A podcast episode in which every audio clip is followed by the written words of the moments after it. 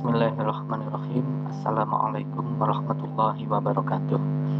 Semoga semua dalam keadaan sehat walafiat. Bersama saya Yosef Hernawan Dosen Prodi Manajemen Perkantoran EPEB UPI Bandung. Pada kesempatan kali ini Saya akan menyampaikan materi mengenai manajemen mutu. Mata kuliah ini merupakan mata kuliah pilihan bagi mahasiswa S1 program studi pendidikan manajemen perkantoran Mata kuliah manajemen mutu akan membahas materi yang berhubungan dengan konsep manajemen secara keseluruhan dengan memperhatikan perkembangan teori.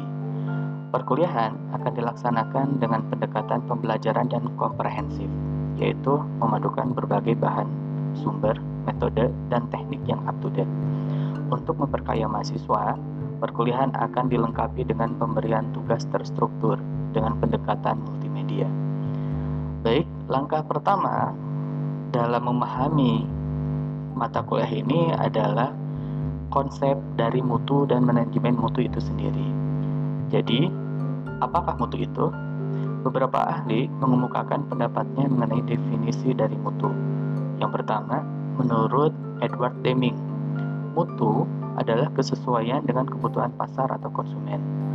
Perusahaan yang bermutu ialah perusahaan yang menguasai pangsa pasar karena hasil produksinya sesuai dengan kebutuhan konsumen, sehingga menimbulkan kepuasan bagi konsumen.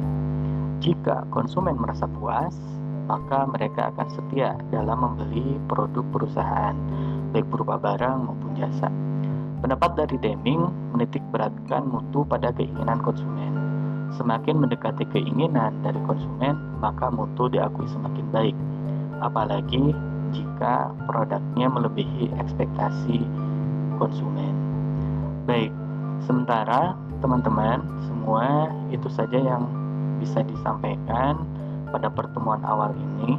Selanjutnya akan dibahas kembali pengertian mutu oleh pakar-pakar lainnya di kesempatan berikutnya.